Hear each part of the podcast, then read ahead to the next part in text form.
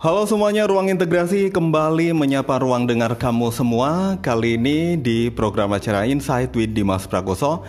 Halo gue Dimas. Ini adalah podcast gue di edisi awal Februari 2020.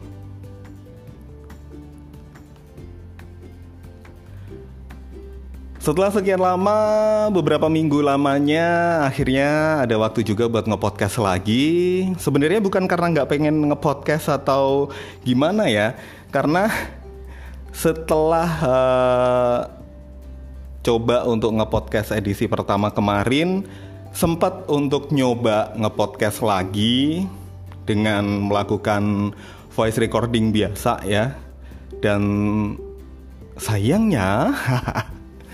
saya selalu mengalami yang namanya kesulitan upload, entah itu apa, apakah karena faktor gue aja yang nggak ngerti gimana caranya, bukan nggak ngerti tapi belum mengerti dan belum paham gimana caranya untuk uh, ngupload dari file. Atau mungkin memang nggak bisa. Jadi belum ketemu juga sampai sekarang. Edisi 2 sebenarnya sudah ada recordnya dan memang belum muncul dan belum dipublish juga setelah sekian waktu. Karena ya itu tadi nyoba dan selalu gagal setelah terupload semuanya baru kemudian dicoba lagi coba lagi coba lagi coba lagi coba lagi hasilnya masih tetap aja sama. Eh, nggak uh, bisa terupload nggak ngerti deh gimana. Tapi yang jelas uh, eh sian banget loh ya. Gue waktu itu waktu apa nyoba untuk ngepodcast yang kedua itu karena coba ngerekam sampai beberapa waktu coba diupload beberapa kali tetap aja nggak bisa. Sian hidup gue dan di tengah kepadatan jadwal dan hari ini kayaknya memang butuh sedikit rilis nih dari aktivitas, butuh refresh, makanya ngepodcast lagi. Mungkin ada beberapa di antara teman-teman semua yang kemudian nanyain lu ngapain sih Dim pakai bikin-bikin acara ngepodcast ngepodcast segala macam, emang buat apa? Uh, jawabannya simpel sih.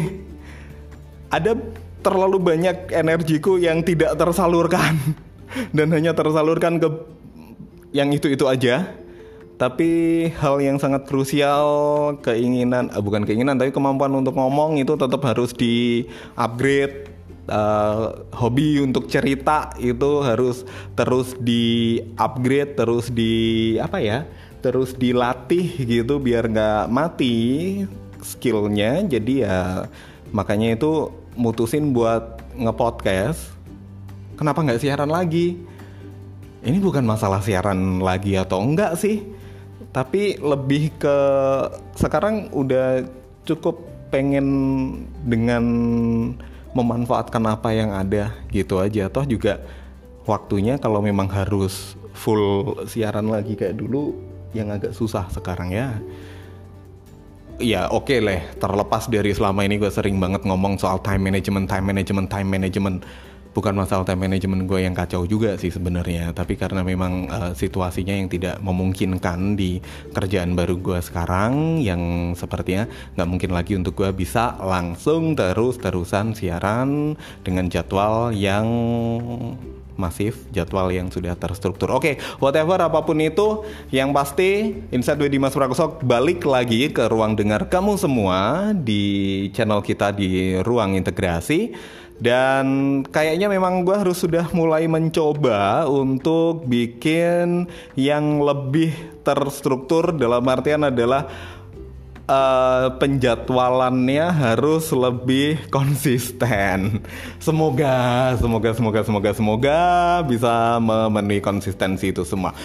Nah, di edisi tiga kali ini ada sekitar ada satu poin bahasan yang pengen coba gue elaborasi, pengen coba gue bahas sama kalian semua sebenarnya. Uh, ini adalah bahasan yang sebenarnya menjadi pertanyaan yang muncul setiap tahun di orang-orang yang berbeda. Inspirasinya sebenarnya dari gue lihat aja kondisi beberapa hari terakhir ini sudah mulai masuk Januari, Februari dan biasanya ada kegalauan-kegalauan di kalangan anak-anak sekolah nih. Nah, dari situ gue pengen mencoba untuk nge-share. Topik kita kali ini kita bakalan ngomongin soal pilihan jurusan. Nah, pilihan jurusan.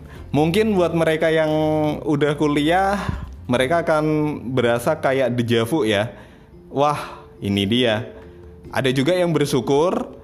Uh, Alhamdulillah pilihan jurusan gue sesuai dengan apa yang gue pinginin. Ada juga yang kemudian merasa, aduh, kenapa sih harus masuk ke jurusan ini? Ada juga yang kemudian merasa kalau ya udah deh gue dapetnya ini mau gimana lagi.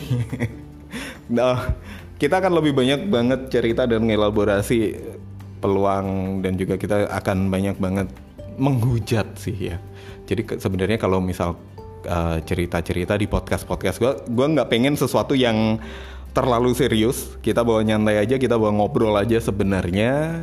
Kita lebih ke cerita karena bukan apa-apa sih. Uh, zaman sekarang ngadepin anak-anak generasi Z dan juga generasi Alpha mungkin kondisinya beda banget sama zaman-zaman angkatan-angkatan gue masuk kuliah dulu. Jadi kita akan lebih banyak ngobrol aja ya, lebih enak. Dan gue juga dari awal nggak pengen di ruang integrasi ini cerita-cerita konten-konten yang gue bikin serius. Karena gue harus tegesin lagi ada beberapa part dari hidup gue sekarang ini yang itu udah serius banget bapak, ibu, kakak, adek, om, tante, teteh itu udah uh, banyak menyita konsentrasi banget dan yang pasti ya itu tadi gue nggak bisa aja kalau harus serius terus menerus bisa botak saya pak lama-lama. Makanya.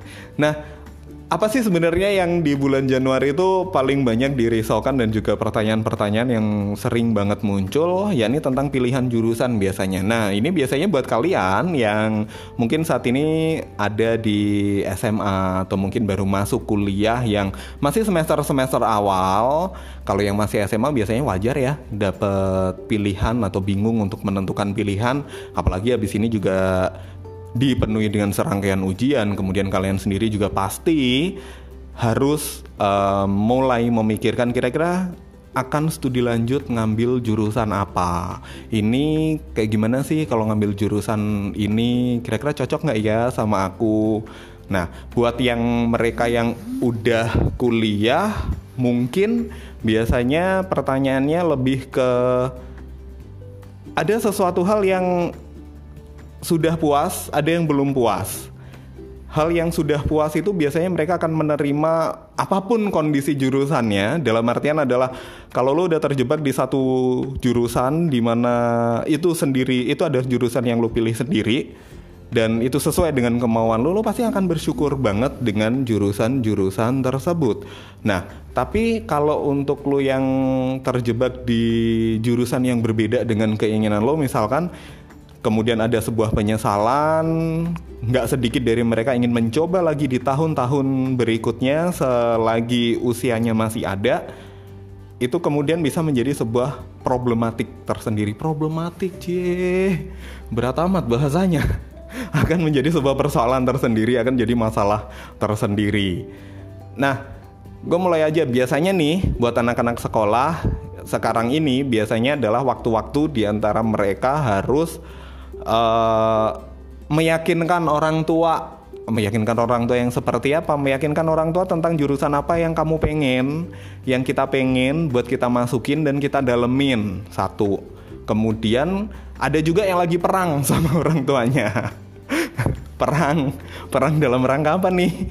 Perang dalam rangka misalkan si anak pengennya ke barat mencari kitab suci. Orang tuanya pengennya dia ke timur mencari matahari terbit. Nah tuh kan gimana? Match nggak? Nggak match pastinya. Nah gimana caranya solusi untuk mencari jalan tengah? Itu problem banget tuh akhirnya. Ada juga situasi yang ya kayaknya agak kurang ajar sih kalau yang satu ini sampai hari begini dia tetap aja nggak ngerti gue mau ke mana gue mau ngapain. Masalah. Ini masalah banget ya. Pada akhirnya ini akan jadi masalah banget. Apalagi kalau ujung-ujungnya dia tinggal ngikutin apa kata temen. Halo adek kakak. Mas mbak teteh a. Yang namanya masa depanmu itu ada di tanganmu sendiri bukan ada di tangan temenmu ya Mending kalau misalkan nanti lu ada di satu jurusan yang memang lu suka dengan jurusan itu pada akhirnya, ya tapi kalau kagak, lu mau nyalahin siapa? Lu mau nyalahin orang, lu mau nyalahin temen lu yang udah ngajakin, mau nyalahin orang tua, kebangetan ya kan? Kok kurang ajar banget tuh jadi anak. Oke, okay, uh, eh, dari pengalaman gue sebenarnya saat milih jurusan itu, jadi gue inget banget tuh dulu waktu awal-awal sama seperti kalian yang mungkin sekarang lagi SMA, gue inget banget ada salah satu saudara gue yang dia ngomong, bukan bukan ngomong dalam konteks dia nyeramahin atau apa ya, tapi dia ngomong dalam konteks untuk ngasih tahu dan diskusi sebenarnya. Saudara gue ini ngomongnya begini, Dek, kamu kalau memang kamu mau kuliah, tolong deh kamu ambil jurusan yang benar-benar kamu suka. Nah, ini nih. Alasan saudara gue ngomong begitu tuh ternyata karena ada banyak banget mahasiswa-mahasiswa yang dia terjebak oleh satu kata sakti. Satu kata sakti itu namanya apa? Peluang, prospek, passing grade. Itu mah nggak satu ya, itu tiga uh, dua kata dan satu frase. Passing grade ya satu frase. Apa sih? Oke balik lagi ke topik. Jadi ada banyak banget anak-anak sekolah anak-anak kuliah yang mereka terjebak sa sama poin itu. Peluang. Aduh ini peluangnya gimana ya? Ke depannya gimana ya? Gue bisa kerja enak nggak abis ini ya kan? Gue kira-kira kalau ngambil satu jurusan ini bakalan bisa uh, dapetin kerja dengan cepet nggak dan yang paling sering ditanyain adalah kira-kira gue bisa masuk nggak ya? Nah ini udah ngarahnya ke passing grade juga. Kemudian ngarahnya juga ke peluang tadi, peluang kerja kah, peluang untuk uh, explore diri lebih banyak gitu. Jebakan-jebakan semacam ini loh yang kadang tuh bikin seseorang merasa kalau dirinya itu wah gue harus memenuhi itu. Gue harus masuk ke jurusan itu karena gue pengen begini begini begini begini. Nah sebenarnya masalahnya satu. Masalah yang kemudian muncul adalah ketika lu udah menyebut ke jurusan A misalkan udah decide nih udah memutuskan untuk oke okay, gue harus masuk ke satu jurusan jurusannya adalah jurusan A. Tapi lu juga harus ngeliat men. Lihat ke diri lo sendiri lu mampu nggak kira-kira di situ udah deh nggak usah ngomongin mampu nggaknya. Tapi lu lihat dulu uh, itu jurusan ya lu suka nggak? Ada nggak jiwa lu di situ? Kalau lu jiwa lu nggak ada di situ dan lu cuman kepengen masuk ke sana karena satu kampusnya mentereng bu. Kemudian lu pengen masuk ke sana karena wah kalau gua kuliah di jurusan itu di kampus itu pasti gua akan jadi famous. Gue pasti akan terkenal gue pasti nggak malu-maluin keluarga lah ya karena gue udah keterima masuk di sana. Hey, dunia kuliah itu tidak sesederhana yang kalian pikirkan ya. Dunia kuliah itu benar-benar di situ kalian akan dipus kalian akan benar-benar mendapatkan tekanan dari delapan arah mata angin dan perjuangan seperti yang dilakukan oleh Sun Gokong dan teman-temannya mencari kitab suci ke barat di mana dia harus bertemu dengan 99 rintangan dan 33 kesulitan itu bener banget adanya. Nah, satu cara yang bisa bikin lu lolos dari itu semua adalah passion. Kemarin kita udah bahas banget di podcast pertama tentang passion, ya. Nah, passion lu apa? Gampangnya adalah lu suka sama bagian-bagian apa sih? Lu suka sama bidang-bidang apa sih? Itu yang harusnya lu dalemin. Waduh, bang, kalau kayak begitu ceritanya mah, ya sampai kapan pun gue juga nggak bakalan ini dong. Gue nggak bisa bakal masuk negeri, gue nggak bakal bisa ini karena kan gue bodoh.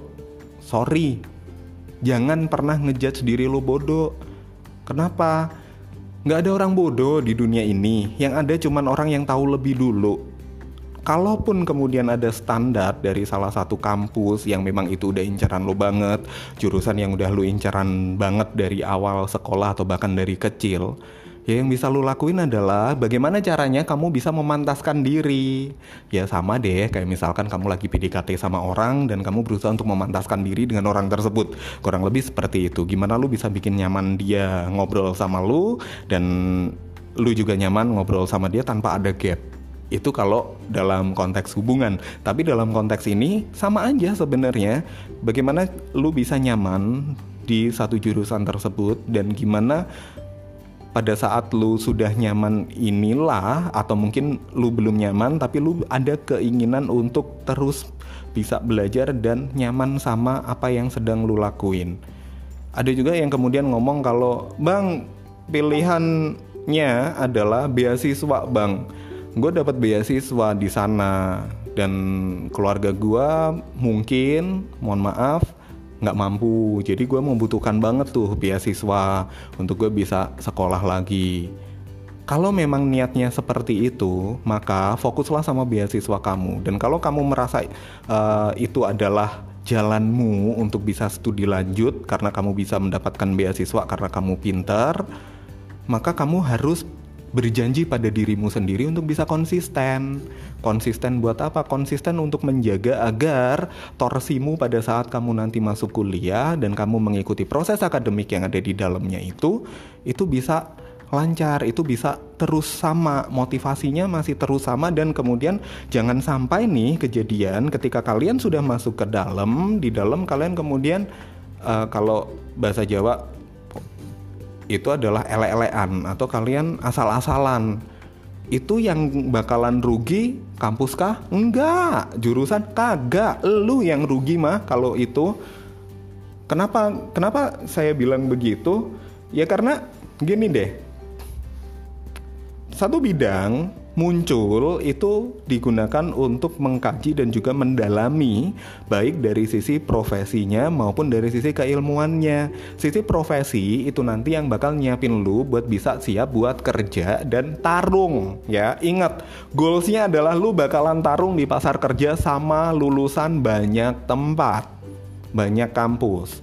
Nah, Sedangkan ranah akademik ini akan membantu lo untuk mempersiapkan kemampuan berpikir, kemampuan untuk menghadapi tekanan, kemampuan untuk menghadapi kesulitan seperti yang tadi gue bilang Sun Gokong yang dia harus rela menghadapi 99 rintangan dan 33 kesulitan.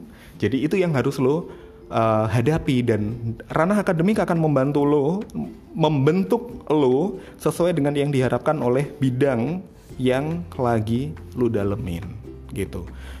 Ini juga yang pentingnya kita punya passion, kita punya keinginan, kita punya cita-cita yang harus diwujudkan. Kadang ada tuh anak yang dia karena hanya oke okay, kita kesampingkan dulu untuk urusan beasiswa. Ada anak yang uh, dia sukanya A tapi dia masuknya ke jurusan B atau masuknya ke jurusan C. Begitu dia masuk beneran ke jurusan itu, bisa aja misal nih dia masuk ke jurusan B atau C ini karena dia hanya melihat peluang saja. Wah ini gue peluangnya gede nih, gue bakalan masuk ke sini, gue bakalan masuk ke kampus ini, gue ambil jurusan ini. Kalau gue ngambil ke jurusan yang lain, pasti jatuhnya nanti gue nggak akan bisa dapat apa yang gue inginkan dan gue nggak bakalan bisa kuliah. Wah jangan sesempit itu juga mikirnya gitu loh. Kalau kalian mikirnya sesempit itu ya gimana mau bisa expert di satu bidang? Syukur-syukur kalau kalian adalah tipe orang yang adaptif bisa langsung switch dengan cepat dan nanti kalian cari kesempatan untuk bisa sekolah lagi di bidang yang lu dalemin gitu sebenarnya kenapa masalah passion dan hati ini penting banget dalam pemilihan prodi atau pemilihan jurusan, pemilihan bidang yang lu suka, ini juga berkaitan dengan jangan sampai ada penyesalan di belakang sih.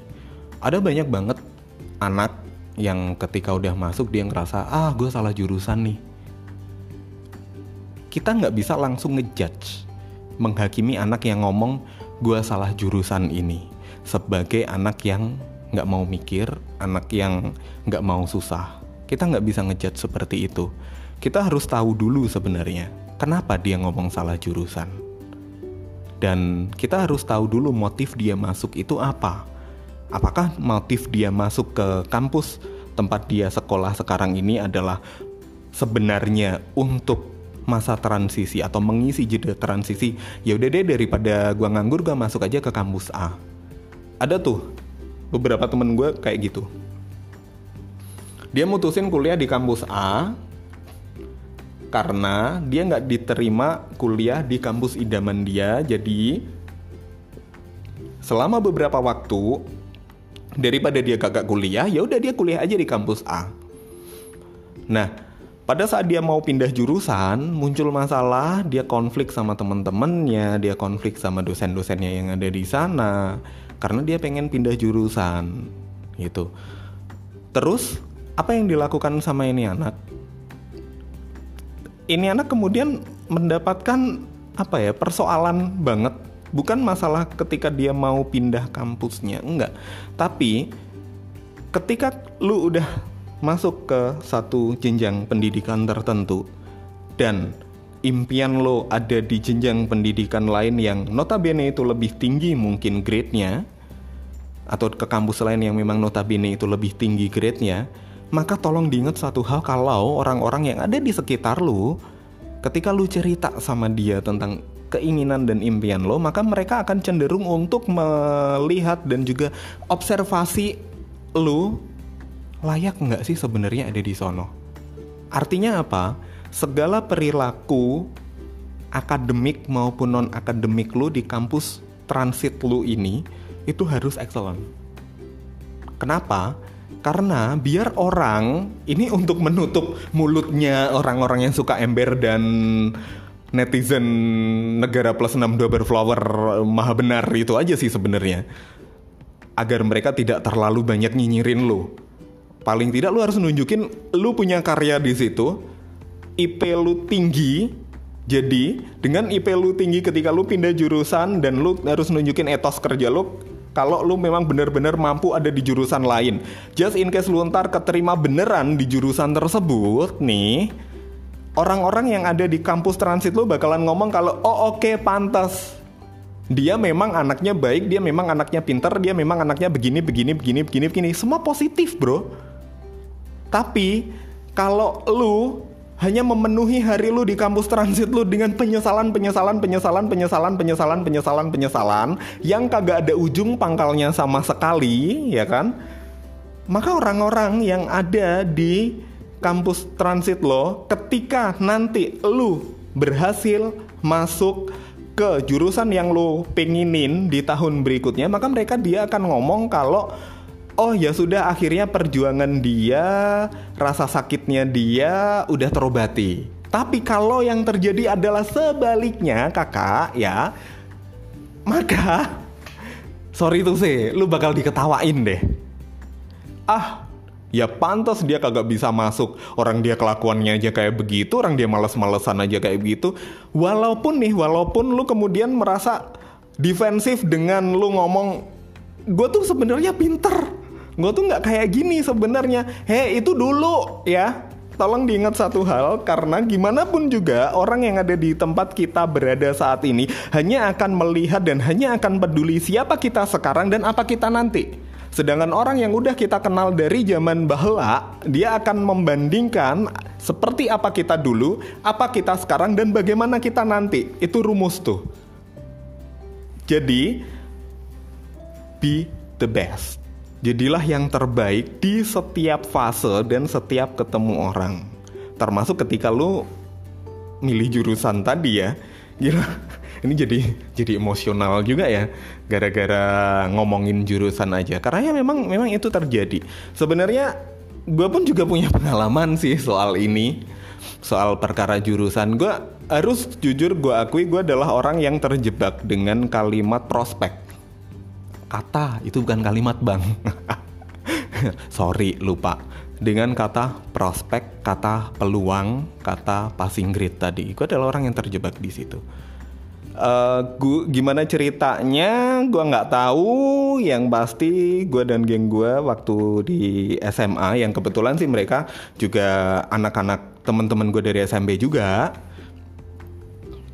kita terjebak sama kata-kata tersebut dari daerah kita punya mimpi besar untuk bisa masuk ke kampus-kampus gede kita cuman mimpi masuk kampus gede di kota gede udah selesai banyak dari kita yang nggak mikirin passion.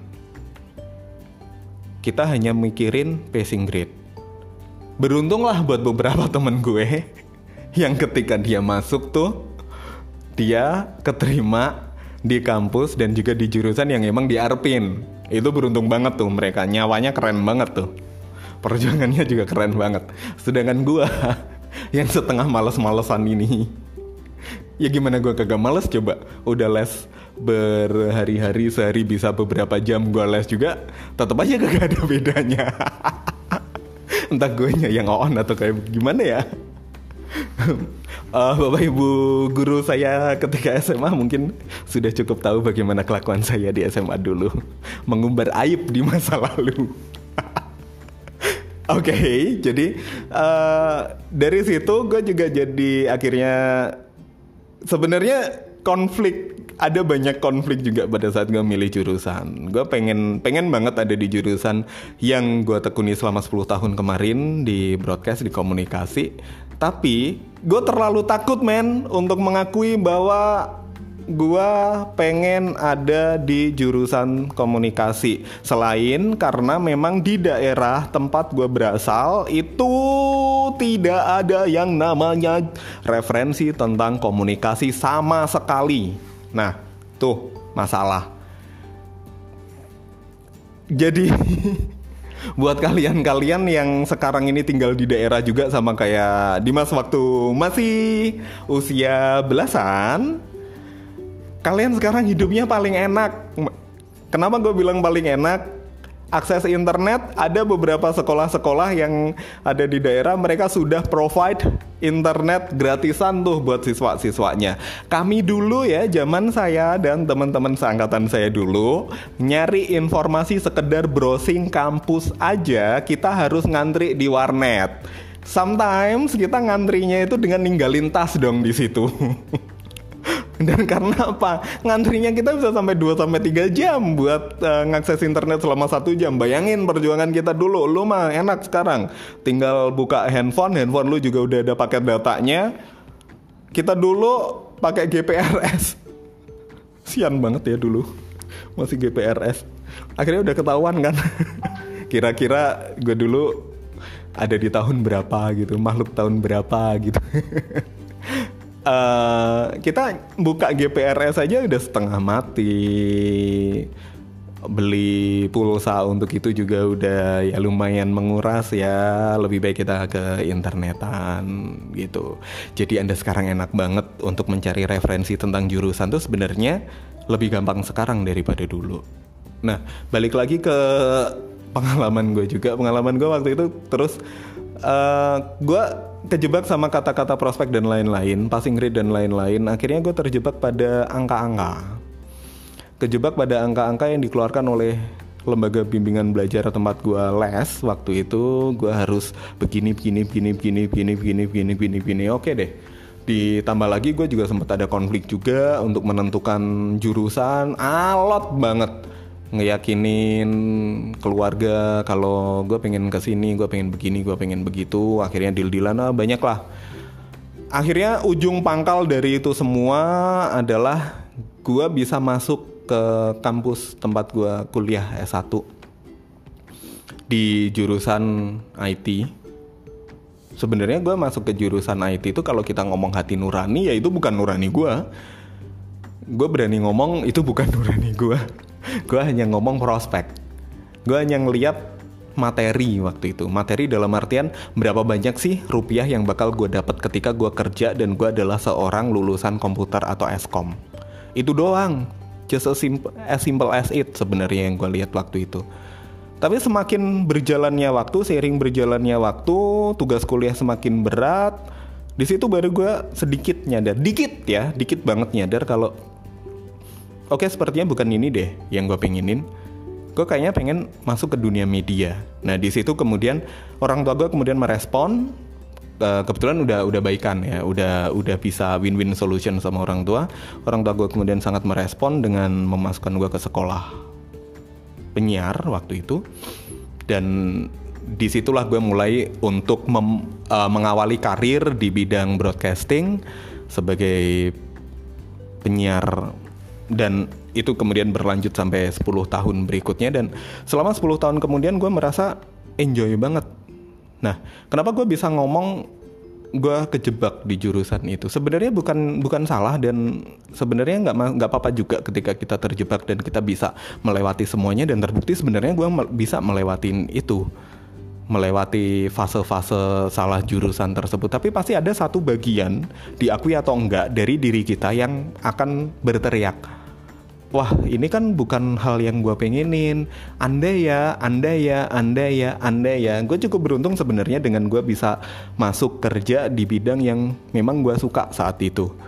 Dan memang kalau pada akhirnya gue sekarang harus banting setir tapi tempat gue banting setir sekarang pun juga nggak bisa dibilang itu sepenuhnya beralih dari passion gue enggak karena buktinya sekarang gue juga tetap berurusan sama yang namanya kamera. Gue tetap berurusan sama yang namanya rilis. Gue tetap berurusan sama yang namanya tampil. Bahkan gue bikin podcast juga sekarang. Nah uh, balik lagi ke fase tadi. Begitu gue gue cukup beruntung karena gue bekerja di bidang yang gue suka dan gue kuliah di bidang lain yang walaupun itu bukan yang utama dan yang paling gue sukai tapi paling tidak di bidang IT tersebut gue juga terchallenge untuk gue tertantang untuk segera untuk menaklukkan itu juga. Dan akhirnya gue bisa jalan dua-duanya. Dan keinginan untuk mengikuti kata hati itu juga lah yang kemudian bawa gue masuk ke pasca sarjana waktu itu atau kuliah S2 nah dari sini nih kemudian gue bisa nyimpulin kalau sesuatu hal yang dilakukan dengan apa ya dengan passion dengan hati itu maka hasilnya juga akan optimal. Karena terbukti pada saat gue pasca bisa dibilang gue sangat idealis dengan topik tesis gue di saat semua orang beranggapan yang penting adalah cepat lulus gue enggak. Gue pengen ngedalamin satu bidang itu. Gila kok. Gue kalau inget tuh ih si Dimas mah otaknya ada di mana ya waktu itu kayaknya bener-bener yang ngebet banget pengen ngedalamin satu topik tertentu sampai bener-bener proposal tuh gue nggak ngerti. Gue tuh uh, perbedaan antara Oon sama pengen pinter bedanya di mana? Gue sampai sekarang jadi ngeblur tuh gara-gara itu tuh gara-gara riset itu. Karena susah banget risetnya harus gue akui risetnya susah. Tapi di push kayak gimana pun akhirnya gue tetap bisa menjalani karena apa? Gue suka sama bidangnya gue seneng sama kajian-kajiannya gue seneng sama topik-topiknya. Walaupun nih untuk mendapatkan data untuk mendapatkan referensi gue harus lari dari satu kota ke kota yang lain. Makanya mungkin di kata pengantar eh, tesis gue gue juga banyak banget ngomong ada ratusan kamar hotel ada ratusan meja kafe. Ada banyak tempat yang gue habisin untuk gue ngerjain tesis itu. Ada tiket pesawat ada tiket kereta ada ribuan jam gue ada di jalanan. Itu beneran. Nah gue rela dan ikhlas melakukan itu semuanya karena gue suka. Gue passionate sama bidang itu. Artinya apa? Ketika nanti nih buat teman-teman yang saat ini sedang dalam proses pemilihan jurusan, tolong deh dipertimbangkan benar kalian sukanya di mana. Karena kasus yang anak merasa stres di satu jurusan tertentu yang ternyata itu tidak dia sukai itu nggak satu dua ada banyak banget kasus-kasus yang seperti itu. Kasus-kasus anak yang memilih untuk transit di satu kampus dan dia kemudian mencoba peruntungan di tahun berikutnya, tahun berikutnya lagi sampai waktunya dia habis, itu juga nggak satu dua, itu banyak banget. Kalau saran gue lebih baik langsung aja deh ikuti kata hati lo selama lo ada resource untuk kuliah, ada resource untuk itu, lo ikutin tuh kata hati lo untuk uh, produksi produksi. Kampret nih lihat lihat orang orang produksi lewat jadi kebawa nama produksi. Jadi uh, lu ikutin kata hati lu lu ikutin jiwa lu pengennya apa maunya ke mana karena itu nanti akan jadi petunjuk buat langkah-langkah lo berikutnya. Akhirnya akan enak dan kalau bisa sih ketika lu udah nyemplung di satu kampus udah deh lu di situ aja sampai lulus. Makanya kalau memang mau nggak diterima challenge untuk nyari kampus yang lainnya tuh jangan cuman uh, cadangannya satu dua taruh cadangan yang banyak banget plan plan A B C D E F G sampai Z kalau perlu. Karena apa? Ketika lu merasa nggak fokus di satu bidang yang sedang lu dalemin saat itu lu merasa kalau ini bukan diri gua, ini bukan pilihan gua, ini bukan jurusan yang gua suka, gua mau coba tahun depan. Syukur-syukur kalau lu bisa memberikan sesuatu hal yang baik. Dalam artian adalah pencapaian-pencapaian akademik yang baik di awal-awal ketika lu kuliah atau lu transit di satu kampus tersebut. Kalau enggak, karena gini, biasanya kecenderungannya buat anak-anak yang dia merasa itu bukan passionnya dia, itu bukan jurusan yang dia inginkan, dia akan ada kecenderungan untuk tidak maksimal di jurusan tersebut. Padahal yang namanya ilmu itu di mana pun itu pasti akan ada kegunaannya. Kalau misal nih kita ngomong yang terburuk aja deh, yang terjelek aja deh. Anak-anak zaman sekarang tuh paling susah diajak ngomong soal kemungkinan terburuk dan kemungkinan terjelek gitu kan. Maunya yang enak-enak doang. uh, agak susah ngajakin mereka untuk mikir realistis, mempersiapkan semuanya sampai ke sisi yang terburuk. Kemungkinan terburuk, lu nyoba sampai umur lu habis dan ternyata lu kagak diterima juga. Sedangkan lu di kampus transit lu itu lu udah masuk ke semester-semester tengah. Dalam artian lu udah masuk semester 5 ya. 1 3 5. Lu udah masuk ke semester 5 6 itu tuh udah puncak-puncaknya kuliah dan di situ lu nggak gaspol dari awal dan lu akhirnya keteteran men. Keteteran. Lu nggak bakalan bisa jadi the best di situ.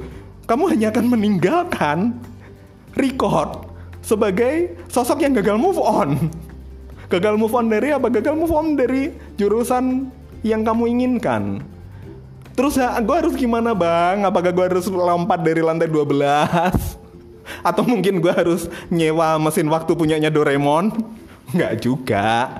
Ada banyak hal yang bisa lu lakuin just in case lu kuliah di bidang yang berbeda sama yang lu inginkan. Nah, apa aja itu yang berbeda, apa aja yang bisa lu lakuin. Jadi misal lu ada di satu bidang atau satu jurusan A, lu pengen jurusan A maksudnya, kemudian lu kuliahnya di jurusan B atau di jurusan C, di situ lu bisa nyoba, bukan lu, kita ya. Sorry ya dari tadi lulu doang.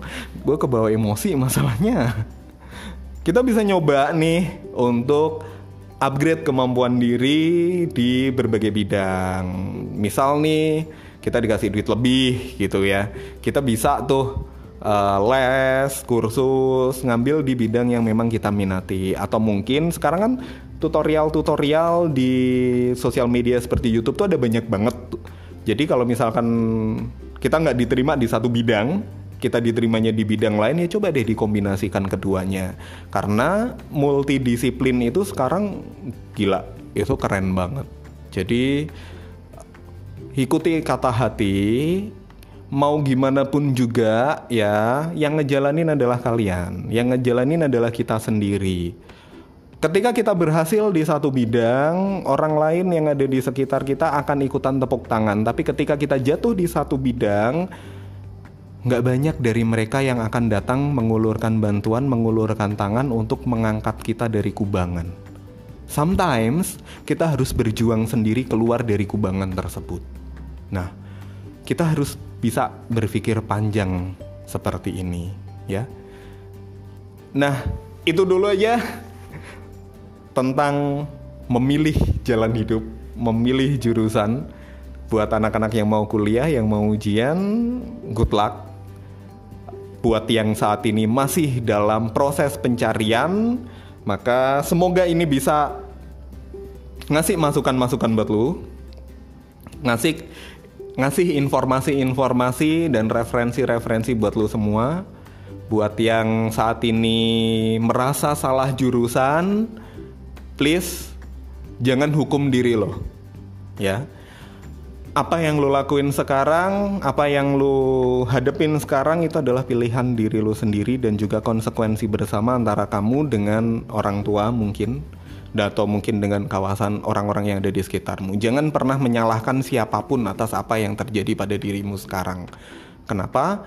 Kalau kamu sudah sejak usia muda mudah menyalahkan orang, mudah menyalahkan pihak lain.